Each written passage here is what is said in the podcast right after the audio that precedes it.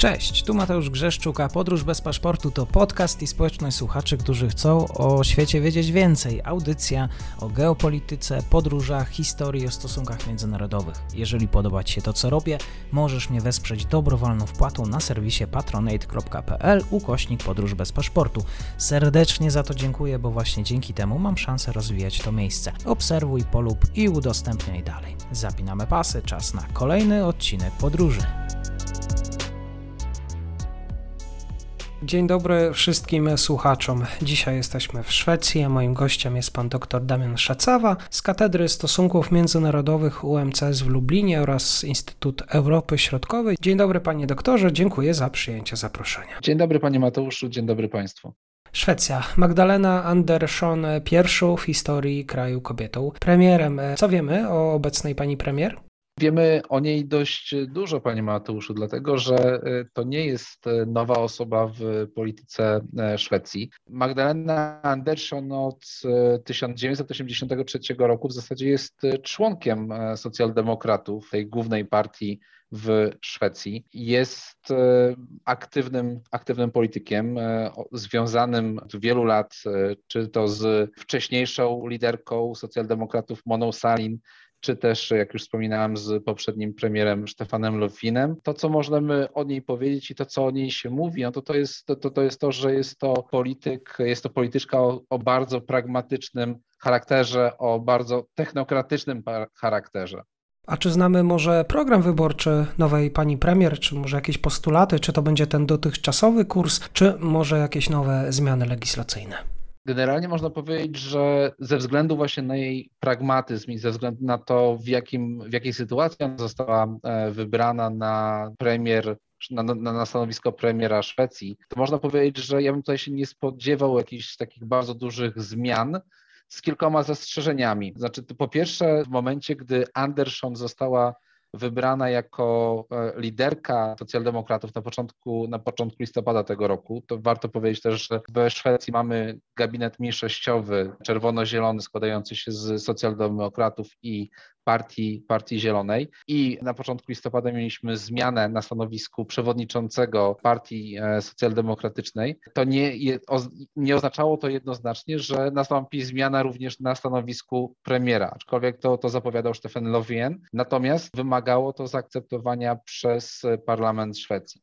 I teraz e, w trakcie kampanii przed, przed wyborami na stanowisko przewodniczącej Partii Socjaldemokratycznej, na które to stanowisko w zasadzie e, Magdalena Andersson została wskazana jednogłośnie przez e, reprezentantów wszystkich regionów, którzy, którzy zgromadzili się na zebraniu na kongresie partyjnym w, w Göteborgu. Andersson wskazała takie trzy priorytety polityczne na przyszłość. Znaczy ona po pierwsze powiedziała, że zamierza jak to określiła, odzyskać demokratyczną kontrolę nad szkołami, opieką zdrowotną i opieką nad osobami starszymi. Chce odejść od prywatyzacji sektora opieki społecznej. No i tutaj e, mamy do czynienia z takim bardzo mocnym, e, mocno lewicowym e, postulatem, którym tak naprawdę przekonała do siebie partię lewicy.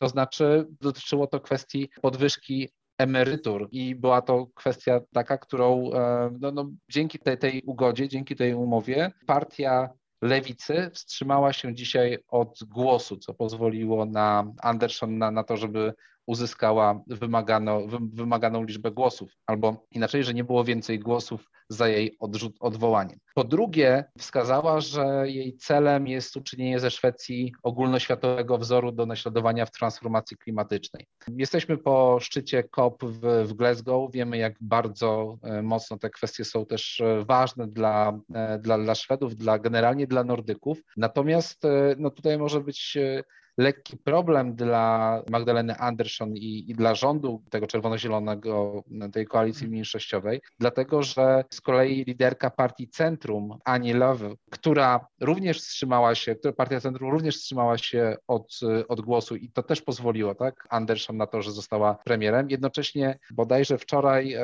liderka partii Centrum zapowiedziała, że to, że Partia Centrum wstrzyma się od głosu w głosowaniu porannym nad zatwierdzeniem Magdaleny Andersson nie oznacza jednocześnie tego, że partia Centrum zgadza się czy też zagłosuje za budżetem, który został przedstawiony e, przez, e, przez rząd czerwono-zielony. Po trzecie w zasadzie, co też jest dość, e, do, dość jasne i to jest, to jest to, że Magdalena Andersson obiecała zakończyć segregację rasową, obiecała również zapobiegać strzelaninom i zamachom bombowym, których, których Szwecja doświadczała w ostatnich latach. Głównie doświadczają tego tak naprawdę dzielnice, które znajdują się w niekorzystnej sytuacji ze względu na dużą populację imigrantów. Tak bardzo często wskazywane jest to, że, że tam są e, zorganizowane grupy przestępcze, gangi, które rywalizują ze sobą o rynek narkotykowy. Tak naprawdę nie ma za wiele czasu na to, żeby realizowała swoje, e, swoje plany, dlatego że pamiętajmy, że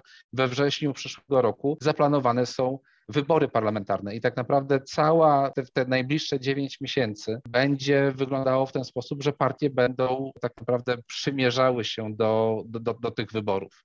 Chyba tutaj warto powiedzieć, że no, pani premier dołącza do tych e, pani premier w krajach nordyckich. A jak najbardziej to, warto to powiedzieć, że państwo, e, które od wielu lat e, ma wpisane oficjalnie prowadzenie feministycznej polityki zagranicznej, jako, jako, jako tej strategii e, polityki zagranicznej. Państwo, które bardzo wiele mówi na temat równouprawnienia płci. Państwo, w którym w zasadzie od 100 lat, e, od ponad 100 lat kobiety mają prawa wyborcze. Jako ostatnie e, państwo nordyckie dołącza do tego grona pozostałych państw nordyckich, w których od dawna już kobiety kierują rządami. Mamy od 2017 roku premier Islandii Katrin Jakobsdottir, od 2019 roku e, na czele, od czerwca 2019 roku w Danii na czele stoi Mette Frederiksen, a od grudnia 2019 roku w Finlandii e, rządem kieruje Sanna Marin. Jeszcze niedawno bodajże rozmawialiśmy o, o Norwegii, no i dopiero przecież we wrześniu tego roku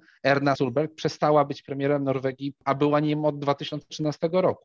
Kobieta pierwszy raz premierem Szwecji, Magdalena Andersson obejmuje to stanowisko. Dziękuję serdecznie. Dzisiaj moim gościem był pan dr Damian Szacawa, UMCS w Lublinie, Instytut Europy Środkowej. Dziękuję za ten komentarz.